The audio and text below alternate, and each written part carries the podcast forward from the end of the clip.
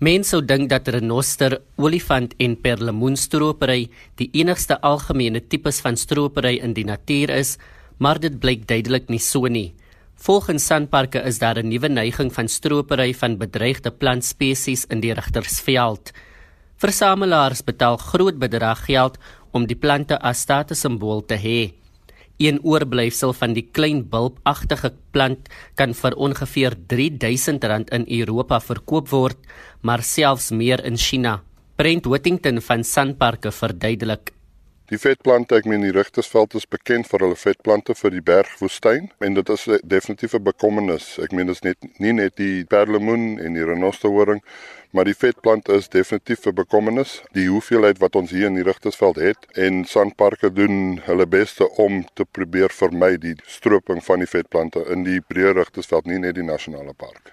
Whittington sê plante wat meestal gestroop word, is plante wat buite die natuurlike omgewing gekweek word.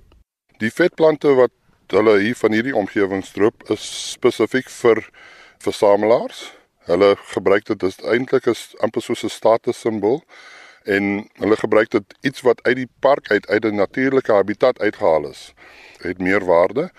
So die wat uit die natuurlike woestyn uitkom, het baie meer nie net statusse waarde maar in geldse waarde in vergelyking met die wat in 'n kwekery gekweek is uit 'n saad uit. Whittington sê verder dat hulle verskeie gesamentlike operasies met verskillende belanghebbendes het om die nuwe tendens te bekamp. Hy sê ook die gemeenskap se hulp is nodig om owerhede in kennis te stel. Vier Chinese burgers is reeds in Mei in hegtenis geneem in besit van Konophytum met 'n straatwaarde van 1.5 miljoen rand. Hulle is skuldig bevind en is met 150 000 rand beboet. Ek is Reginald Witboy in die Rigtersveld in die Noord-Kaap.